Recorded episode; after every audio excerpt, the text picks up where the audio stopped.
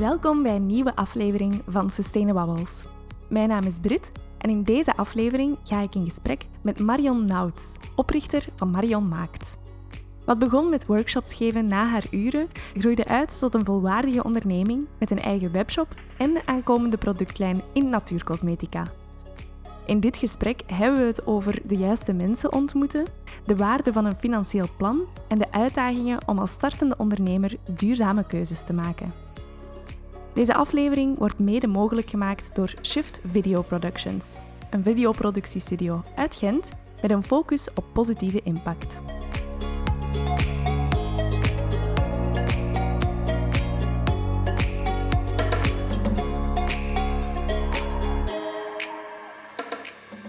Dag Marion. Hallo. Welkom op onze zolderkamer voor de verandering. Dankjewel. Fijn dat je erbij bent. Jij bent um, ja, Marion van Marion Maakt, een plek voor plant-powered skincare, als ik dat zo van jouw website mag plukken. Uh, maar misschien laat ik jou beter zelf een keer vertellen wat dat Marion Maakt precies is. Ja, um, als ik moet vertellen wat dat Marion Maakt is, dan moet ik eigenlijk drie jaar drie jaar en een half terugkeren in de tijd. Want hoe dat nu Marion Maakt vorm gekregen heeft, is helemaal anders dan hoe dat begin, in het begin was. Mhm. Ehm, in het begin was het vooral, of het is ontstaan in, um, door workshops te geven in het maken van natuurlijke verzorgingsproducten. Um, maar door corona, onder andere, heb ik mezelf een beetje moeten heruitvinden en zijn er ook heel veel opportuniteiten op mijn pad gekomen. Gelukkig, want de workshops, dat was volledig gedaan. Dus zijn we moeten gaan digitaliseren, zoals wel meer bedrijven. Uh, en dan ben ik ongeveer nu een, ja, een drie maand geleden, vier maand geleden, gestart met een webshop. Waarin dat je eigenlijk ook alle grondstoffen, materialen en verpakkingen kan aankopen om dan die producten te maken. Want dan merkte ik wel van, oké, ze leren dat dan in de workshop, maar ik moest ze dan naar veel verschillende winkels sturen. Dus ik, heb, ik wou eigenlijk een plek creëren waar dat je alles kon, eh, kon vinden. Maar niet alleen gewoon een webshop, het moet eigenlijk, en dat is nog wel vorm aan het krijgen, maar een platform worden eh, voor natuurlijke verzorgingsproducten, waar dat je ook heel veel informatie vindt door ja, blogberichten en dergelijke, maar ook de ingrediënten die heel heel breed zijn uitgelegd. Um, ook recepten die je gewoon gratis kan raadplegen. En dan het laatste uh, waaruit Marion Maak bestaat, is, um, of gaat bestaan, is de productlijn die er aankomt. Want het is eigenlijk mijn doel om met uh, Marion Maakt ervoor te zorgen dat de cirkel waar rond is. Dus dat zowel mensen die van nul willen starten, dat zij terecht kunnen op de webshop of uh, op het platform. Maar ook mensen die zoiets hebben van ja, allemaal tof en goed, maar ik zie dat niet zitten om dat zelf te maken, kan ik dat niet gewoon kopen, dan zij er ook uh, eigenlijk ja, terecht kunnen. Mm -hmm. Dus voilà, dat is een beetje kort, niet zo kort, samengevat. Oké, okay. dus eigenlijk één hub voor alles wat plant-powered skincare of natuurlijke skincare Ja, natuurlijk eigenlijk. Maar plant-power, dat klonk iets fancier, dus vandaar hebben we dat gekozen. maar natuurlijke cosme natuurcosmetica eigenlijk, dat is uh, ja, het thema. Oké. Ja. En van waaruit jouw interesse voor dat thema? Dat komt ook van uh, zoveel jaar geleden. Uh, is vroeger begonnen uh, vooral als kind, ook als puber, vooral eigenlijk als puber, had ik een zeer gevoelige huid. Allee, ik heb die nog altijd, hè, maar toen had ik zeer veel last van opstoten, acne, eczeem, allerlei allergieën. Allee, heel frustrerend. Ik was al zodanig beu dat ik denk ik ongeveer op mijn 18 jaar of 19 toen ik op kot ging, dan mocht je zo zelf beslissen wat je begint te doen. Of je denkt dat toch dat je dat mocht. Dus uh, ja, ik was op internet beginnen zoeken. Ik was op uh, natuurcosmetica uitgekomen. En dan ben, ben, ik dat beginnen gebruiken. En voor mij heeft dat een gigantisch verschil gemaakt. Mm -hmm. um, ja, dan kocht ik dat gewoon en dan ging ik studeren, want ik ben eigenlijk orthopedagoog van opleiding, mm -hmm. dus iets anders. Uh, maar die interesse in hoe komt dat nu dat dat voor mij werkt, bleef wel hangen. Dus ben ik daarna mijn studies nog een opleiding als herborist gaan volgen, om toch wel wat meer verdieping te kennen en, en te weten met wat ik bezig was. Mm -hmm. en, ja, en daar is helemaal uit de hand gelopen. ben ik dan die workshops beginnen geven. En op dit moment um, doe ik ook nog een opleiding voor Organic Skincare Formulator. Dus dat is echt om, ja, wat dat woord zegt. Ja. Dus de interesse is groot en het blijft eigenlijk, de verdieping blijft wel. Mm -hmm. uh, ja, voilà. ja. En toen toen kocht je wel u, u ja. of maakte je het al meteen zelf? Nee, nee, eerst kocht ik het. Uh, ja, ik was daar echt niet mee bezig met dat zelf te maken. Uh, het is maar in een later stadium, toen ik wist wat ik deed ook, of wat erin zat, en dat ik dacht, ah, je kunt het eigenlijk zelf maken, dat mm. ik daarmee begonnen ben. Ja. ja. En hoe is dan de eerste workshop ooit tot stand gekomen? Uh, niet gepland en, en een beetje impulsief. Uh, dat is een, uh, een, vriendin van mij van de Scouts die in het jeugdhuis toen werkte. En zij wist dat ik daarmee bezig was. En ze zei, ah Marion, we willen zo wat workshops geven hier in het jeugdhuis. Zie je daar niet zitten om een keer over je kruimpjes iets te geven? Mm. Um, en ik had wel altijd al zo wat gevoel gehad van ik wil iets doen. Ik dacht eerst dat dat, dat, dat mijn voeding ging zijn. maar uiteindelijk is dat niet en gelukkig, want ik kook helemaal niet graag. Maar, uh, dus ik voelde wel dat ik iets wou doen, dus ze vroeg mij dat. En ik dacht, oh, ja, ik wil dat wel een keer proberen. En dan de dag ervoor is de naam Marion Maakt door mijn vriend. Uh, ik dacht, ik moet dat misschien wel onder zo'n bepaalde naam doen. Uh, ja, geboren. Okay. Um, dus ja, op die manier die eerste workshop gegeven. Ik vond dat zo leuk. Dat was, dat was ook ja, dat enthousiasme van die deelnemers, dat was fantastisch. En ja, voilà, hier zitten we dan. Wauw, amai. Ja, het is wel het is zeer snel gegaan. Um, en ja, ik, ik, wist wel altijd... Ik wou eigenlijk eerst wou ik juf worden, denk ik. Allee, zo in het lager. En dan wou ik zeer graag in het hoger lesgeven. Dus ik weet wel dat zo lesgeven of zo dingen uitleggen aan mensen of ze zo meenemen, dat dat wel iets is dat ik zeer graag doe. Mm. En dat dan in combinatie met dan echt die interesse, dat was like zo, ja, puzzelstukjes die samenvielen. Ja. Voilà. En um, je hebt dat een keer een workshop in een jeugdhuis gegeven. En, en dan daarna, hoe, hoe ontwikkelt zich dat dan verder? Ja, dat is een goede vraag. dat is iets waar ik zelf moet over nadenken. Hoe komt het dan dat dat zo gegroeid is? Uh, ja, ik vond het leuk. Ik dacht, ah, dat is tof om te doen. En er was toen wel op dat moment een vriendin van mij die ook workshops aan het geven was. Wel in iets totaal anders, maar die was daar wel mee bezig. Dus ik dacht, ah, dat kan wel. Dus ik heb daar zo wel wat inspiratie uit gehaald.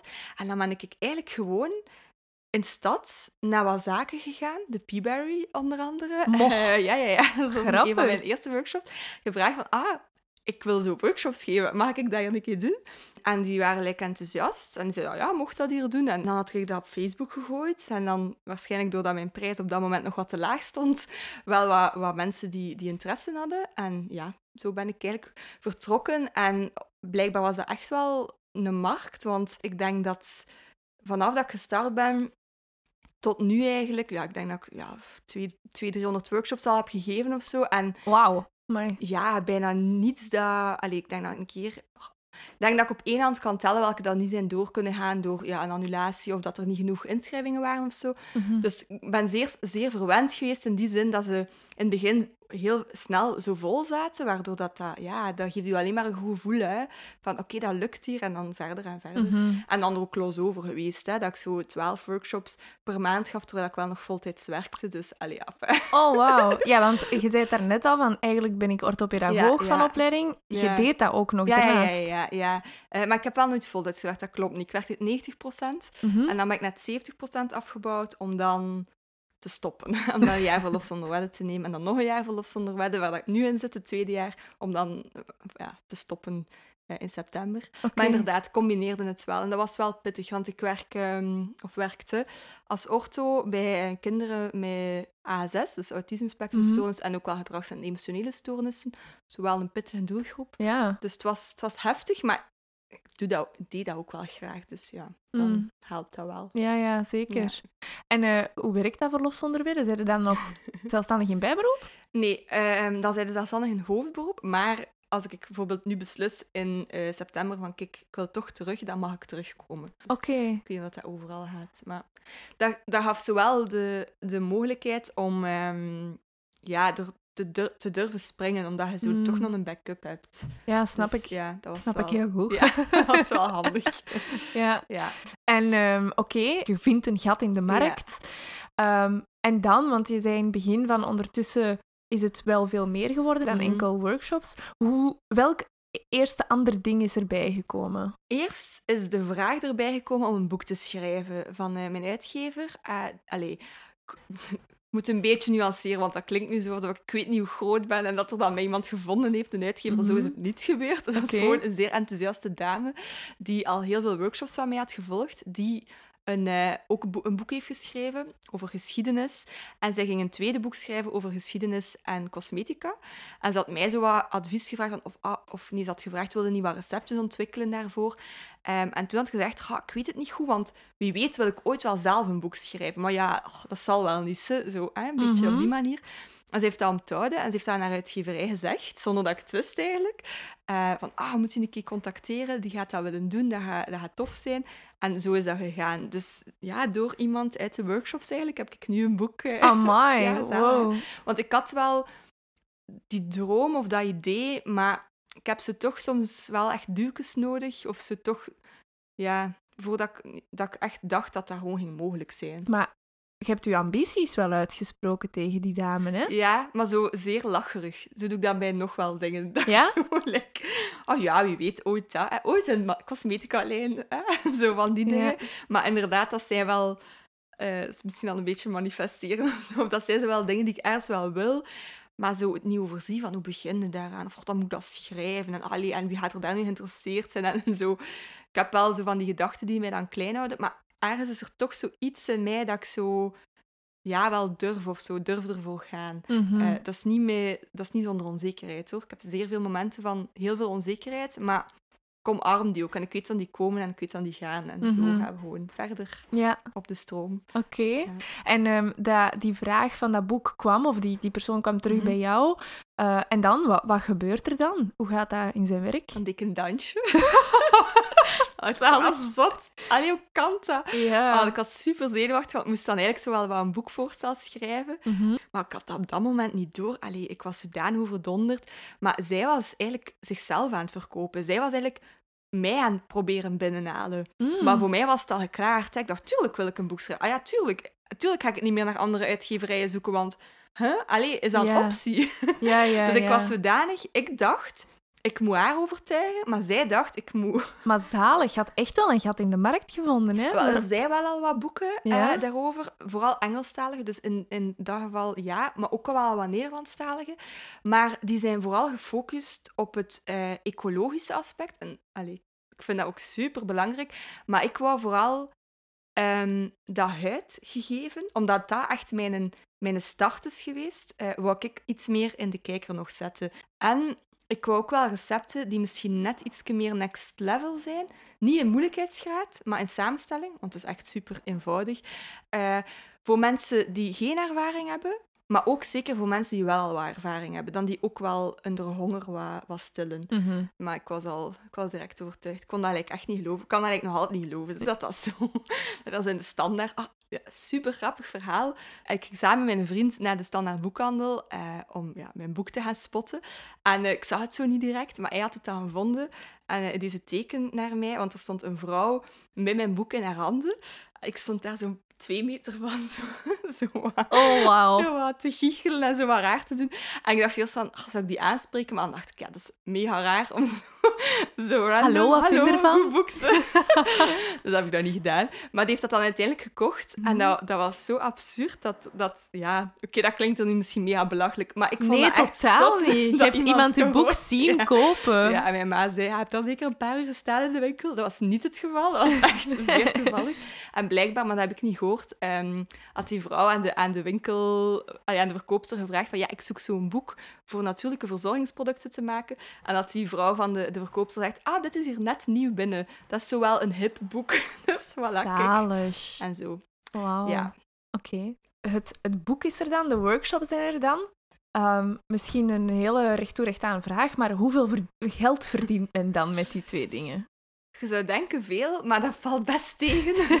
Allee, de workshops, dat is wel iets, als dat draait en dat kan draaien, kun je daar uiteraard wel iets mee verdienen.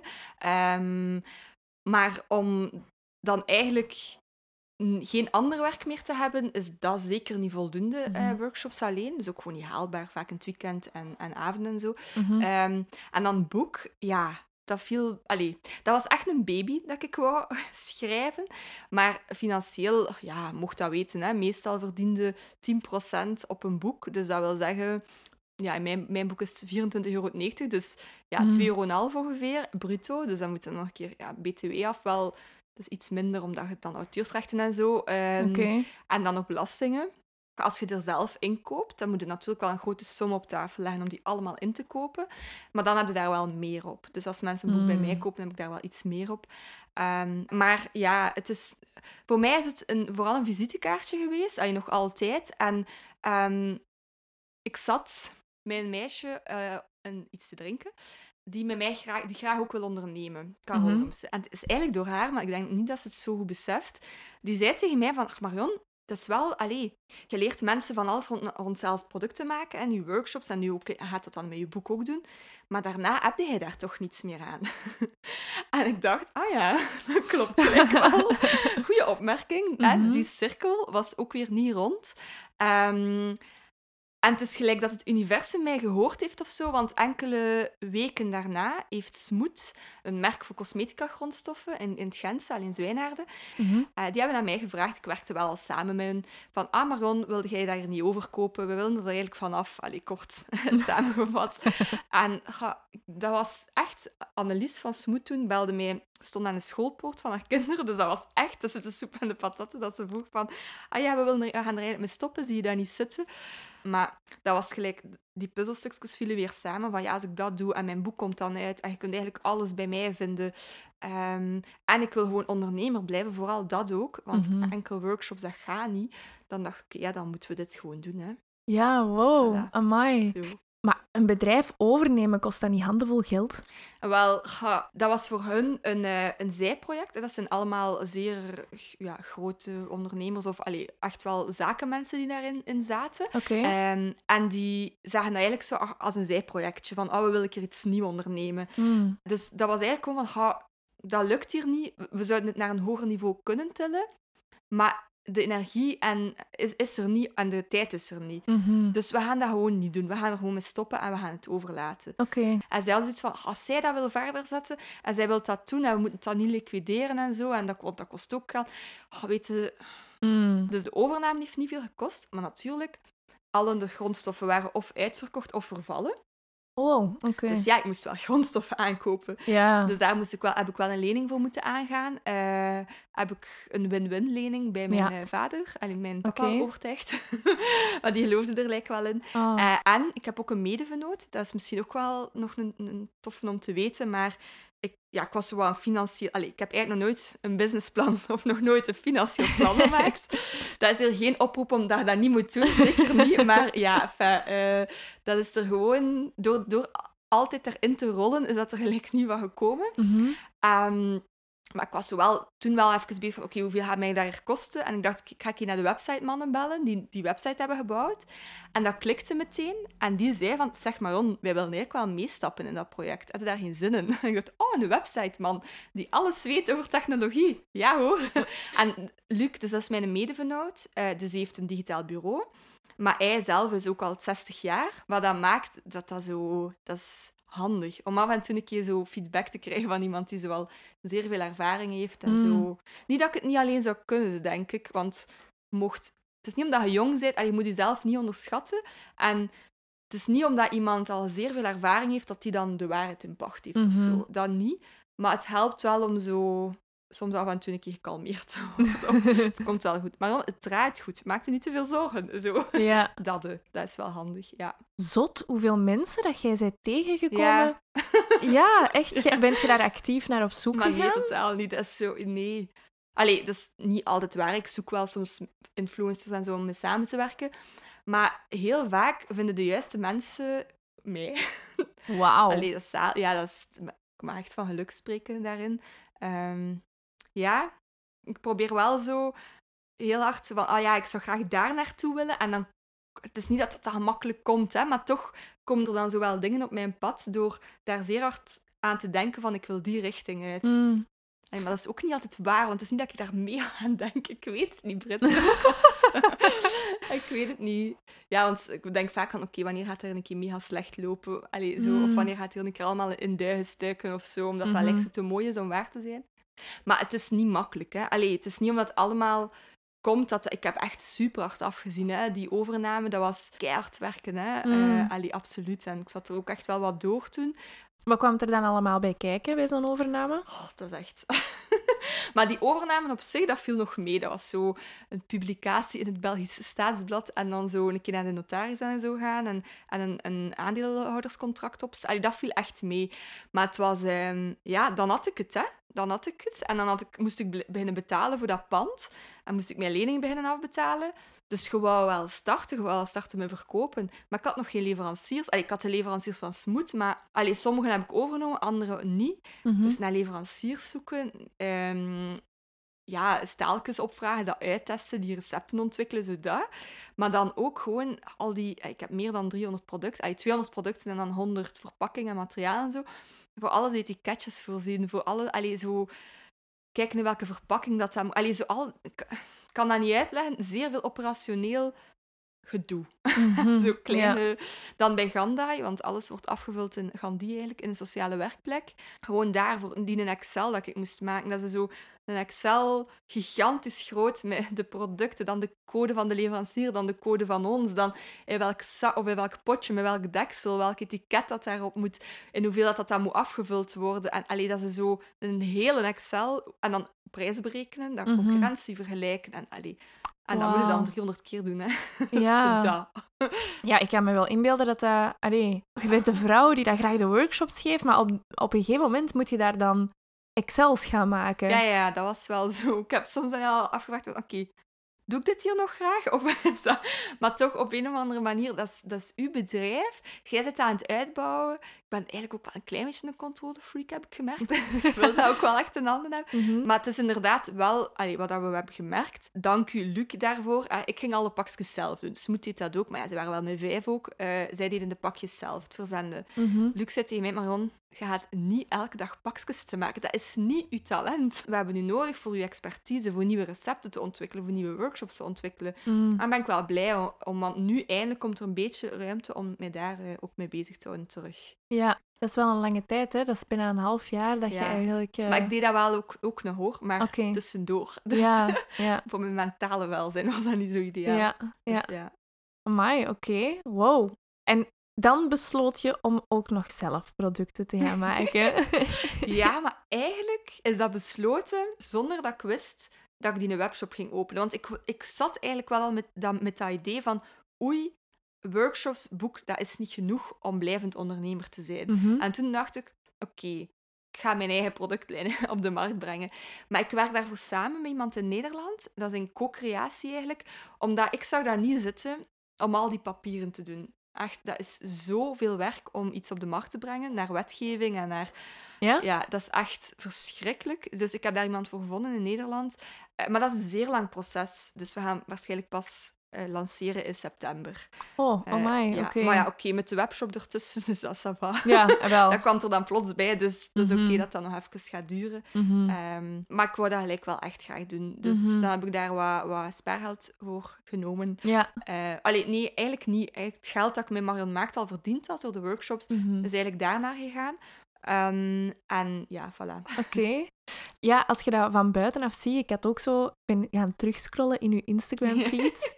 en ik, ik zag daar zo'n post tussen staan waar dat je zo je ambities voor, ik denk dat het 2020 was, Eh, Ja, had eh, opgesomd. En dan lijkt het, wauw, die, die Marion die heeft echt een masterplan en die heeft haar doelen zo, zo duidelijk voor zich uit. Is dat zo? nee, totaal niet. Dat is super grappig, hè. Ik had een fotoshoot met Nushka, bij Nushka. Zij heeft alle foto's voor mij getrokken. Mhm. En ehm, dat was rond, rond het einde jaar. En, en ze zei, ah, maar misschien moeten we zo in een boekje je doelen opschrijven. Ik dacht, ah ja, wacht, wat zou ik graag willen. En nog een keer, dus geen oproep om dat zo aan te pakken, maar ik ben daarin gerold door die vriendin die mij heeft gevraagd om, om de workshop te geven. Ik heb nooit een businessplan gemaakt, nooit een financieel plan. Achteraf gezien dat we dat beter wel. Ik denk dat dat wel goed is om te weten wat dat je richting is en doelen bepalen helpt. Want nu doe ik dat wel bijvoorbeeld. Maar ik geloof ook wel heel sterk als je echt de, de goesting en de passie hebt en de zin. En geluk ook zeker, dat ga ik niet Mhm. eh, onderschatten. Maar dat je er ook wel, ja, dat dat ook wel kan. En dat je geen masterplan moet hebben dat tot in de puntjes is uitgewerkt om gewoon te starten. Mhm. Wanneer heb jij ontdekt dat je een ondernemer waart dan? Ga, maar ik moest mij in het begin gevraagd hebben toen ik startte van ga je dat hier als hoofdberoep doen? Denk ik, maar nee, tuurlijk niet. Dat, allee, dat kan toch niet? Dat zijn workshops. Wat, allee, mm. Mhm. Maar toen dat ik merkte van oké, je kunt eigenlijk wel redelijk veel workshops geven, begon ik dan een keer uit te rekenen. maar niet goed uitrekenen. Hè? Want wat is de grootste fout als startende ondernemer? Dat je gewoon te weinig geld vraagt. En dat je denkt dat je, als je bruto 2500 euro verdient, dat dat voldoende is. Mhm. Klopt niet. je hebt geen dertiende maand, je hebt geen vakantiegeld, je moet Mhm. verzekeringen betalen. Allee, dus daar moet u... Dus financieel plan is misschien toch een optie. Moest ik dat gedaan hebben, ging ik dat wel geweten hebben. Ja. Aldoende heb ik dat geleerd. Maar toen dacht ik dat wel, oh, ik kan eigenlijk zoveel per maand verdienen met gewoon die workshops. Misschien ehm, gaat dat toch wel. Ik denk, sinds dat ik die vraag van dat boek kreeg en besloot om een jaar verlof zonder wedden te nemen, had ik wel gehoopt van, ik hoop dat ik niet meer terug moet. En dat is niet omdat ik mijn Mhm. job niet graag deed, maar dat is wel omdat ik zo hou van dat gewoon je goesting kunnen doen en Mhm. tegen niemand verantwoording moeten afleggen, iets uitbouwen, zo. Ja. Ja, dan denk ik Ja. ongeveer. Je hebt daarnet al gezegd van eigenlijk, als we kijken naar Vlaanderen, dan zijn die conculega's voornamelijk bezig met dat ecologische. Mhm. Ehm, is dat iets wat je bewust vermeden hebt dan? Nee, maar ik vind dat ook super belangrijk. Hè? Ja? En ik merk dat ik daar zeer hard met mezelf in de knoop lig, omdat heel veel gaat nu over dat zero waste gegeven, hè? voor verpakking. En je moet zoveel mogelijk plastic gaan vermijden. Dat is zo, zo waar dat heel veel mensen nog soms een beetje rigide, denk ik, op focussen.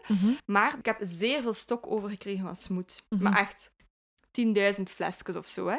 Maar het is plastic. En ik heb daar Mhm. zo'n struggle in gezeten van wat wil ik? Ga ik dat gewoon wegsmijten of wegdoen en duurzamere alternatieven kopen? Of ga ik dat opgebruiken? Wat dat Mhm. veel meer in lijn ligt met wat dat goed voelt voor mij. Mm. Maar ik heb dat uiteindelijk wel gedaan. Ik ga die stok opgebruiken. En daarna wil ik absoluut een duurzamer alter- alternatief. Maar het is gewoon super moeilijk. Ja, je zegt een duurzamer alternatief, maar eigenlijk is de publieke perceptie ervan gewoon ook niet helemaal Ja. correct. Dat is zo ja, want ik krijg dan echt mails eh, van mensen die sturen van ja, ik vind het zo jammer dat uw producten, alleen mails, ene keer, dat uw producten niet in glazen verpakkingen zitten. En dan denk ik, ja, maar heb je u, u echt al, heb al een keer goed... Want ik heb gehoord van iemand, eh, ja, een prof op Tunif, maar ik weet niet meer wat haar naam is, in een, in een podcast van Vierle Kolle, had ik gehoord van op dit moment is gerecycleerd plastic het meest ecologische. Dus ik heb zoiets, ik weet dat nu. Die prof heeft daar al zeer veel onderzoek naar gedaan. Ik heb dat nogal van mensen gehoord. Mm. Dus ik heb nu zoiets van, eigenlijk zou ik moeten kiezen voor gerecycleerd plastic. Maar ja, mijn doelgroep heeft een hekel aan plastic. Mm. Wat moet ik doen? Maar mijn geweten is wel zodanig sterk dat ik blijf zeer dicht bij mijzelf altijd. En ik ga wel kiezen voor de dingen die, die ik dan denk. Hè, want ik ben ook geen expert, maar ik denk dat op dat moment de minst grote impact hebben. Mhm. Dus ben ik dan gegaan voor die Ocean Waste Plastic.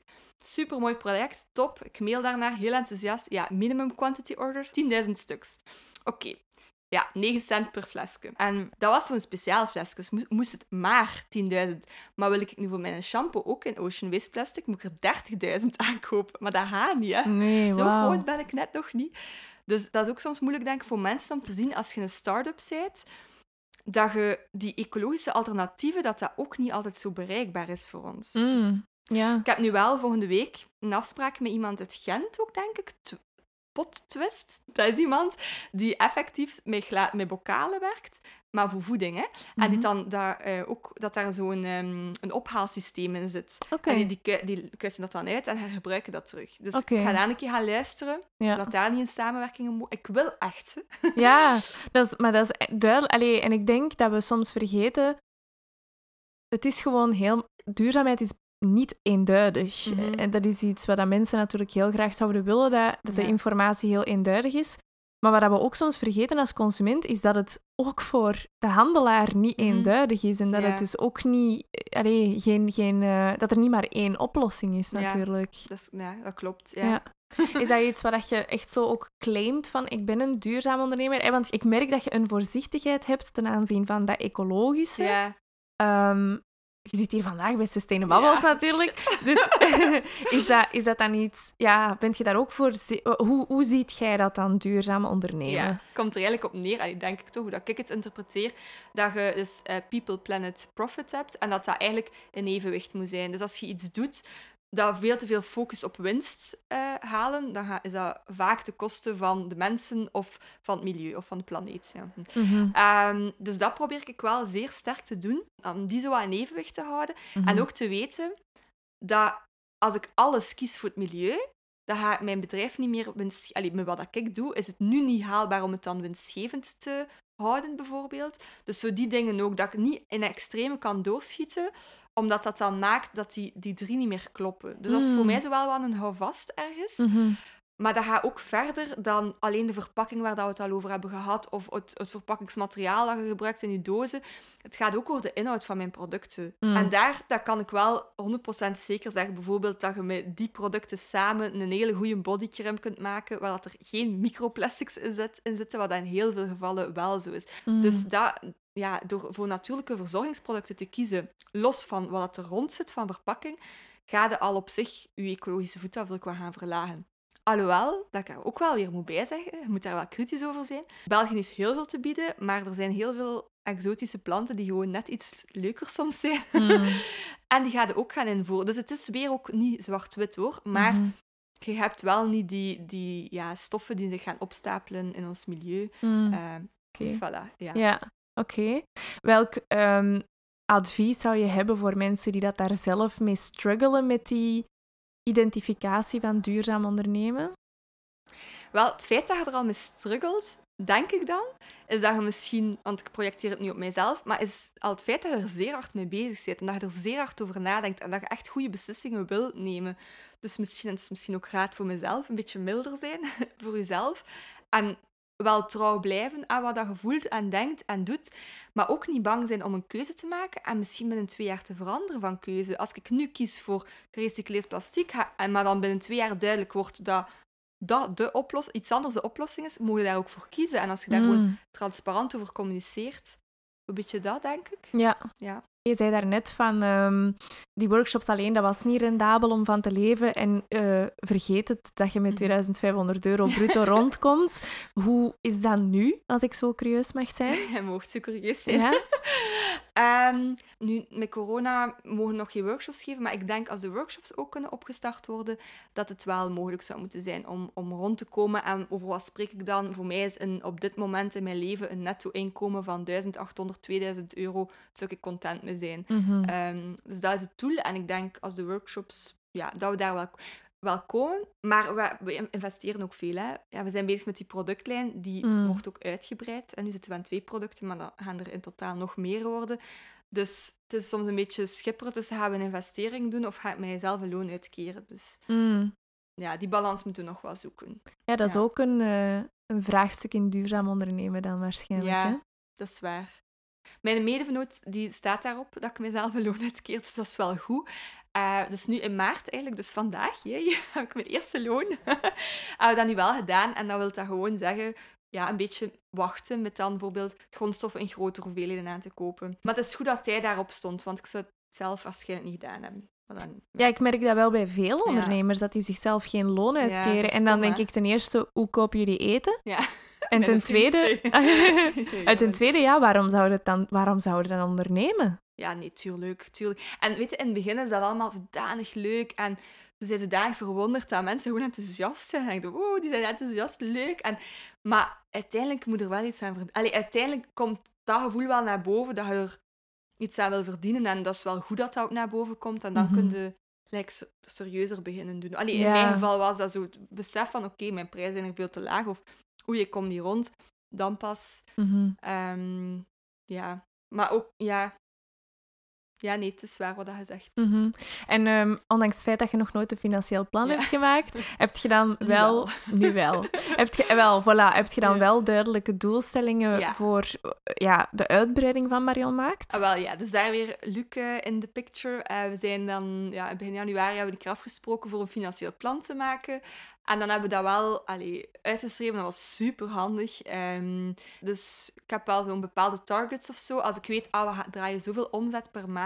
En dat wordt vaak ook onderschat, denk ik, door mensen, dat je wel een serieus bedrag moet halen als, als omzet, om daar dan eigenlijk dat loon te kunnen uithalen. Omdat die marge en die kosten en wat er allemaal bij komt Ja, ja, kijken, dat is gewoon echt zot. Bij die workshops is dat, is dat anders. Hè. Dat is Mhm. ja, zuiverder wat dat je binnenkrijgt. Hè. Bij producten is dat zo wat moeilijk om in te schatten. Ja. Maar Mhm.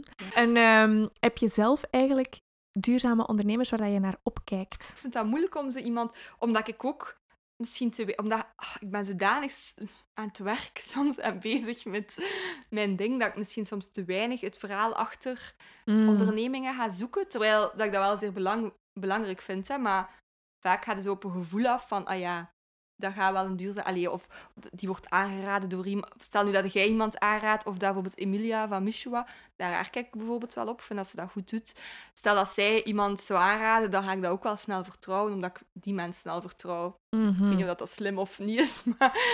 ehm, wie nog? Weet, maar je kent Laura wel, hè? Ah, ja, dat is een vriendin van u, zeker. Mhm. Ja, maar ik, wat ik tof vind aan haar, is, is eh, toen dat ik haar, haar hoofd zag op de NG Mhm. reclame. Allee, eerst, vroeger zou ik altijd gedacht hebben, allee, hè, je gaat nu toch niet bij zo'n bedrijf dat ook zoveel onduurzaam, onecologische dingen doet. Mhm. Maar ik vind dat wel, wel mooi, dat, dat zij wel breder gaat kijken juist. En door die kleine stapjes die die bedrijven zetten aan te moedigen of daarin mee te gaan, probeert ze denk ik een, een bepaalde beweging op gang te krijgen. Hoop ik, denk ik, ik weet het niet.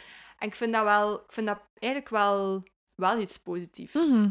Maar dat is moeilijk, hè, want je weet niet wat Mm. de beweegreden van zo'n bedrijven zijn. Ehm, maar ergens is dat wel, hebben die grote spelers wel nodig om mee te gaan. Mhm. Maar ik weet er nog te weinig over. Ik vind dat zeer moeilijk. Maar ik vind dat bijvoorbeeld van Laura wel chic dat ze dat gewoon doet. Want ze zal ook wel veel bagger over haar gekregen hebben, Mhm. denk ik. Van mensen die dat dan niet... Die denken, ja, zo'n groot bedrijf. Maar dat is iemand, denk ik dan, die ruimer denkt. We gaan het daar uitgebreid met haar over hebben Ah, in voilà. de aflevering met Laura. Super, dat is Ja, goed. ja. Ja. Voilà. Ja, cool. Zijn er dingen die dat je mij nog eh, wilt vertellen waar ik geen vraag heb, over gesteld, maar waarvan je zegt dat zou ik graag nog... Ik denk dat ik zeer veel gebabbeld heb. Dus dat Dat is meeste de wel... bedoeling van een podcast Dat natuurlijk. het meeste er wel zal in zitten. Nee, Oké. Merci. Dank je wel om te Ja, komen. dat is leuk. En heel veel succes het komende jaar. Merci, dank u.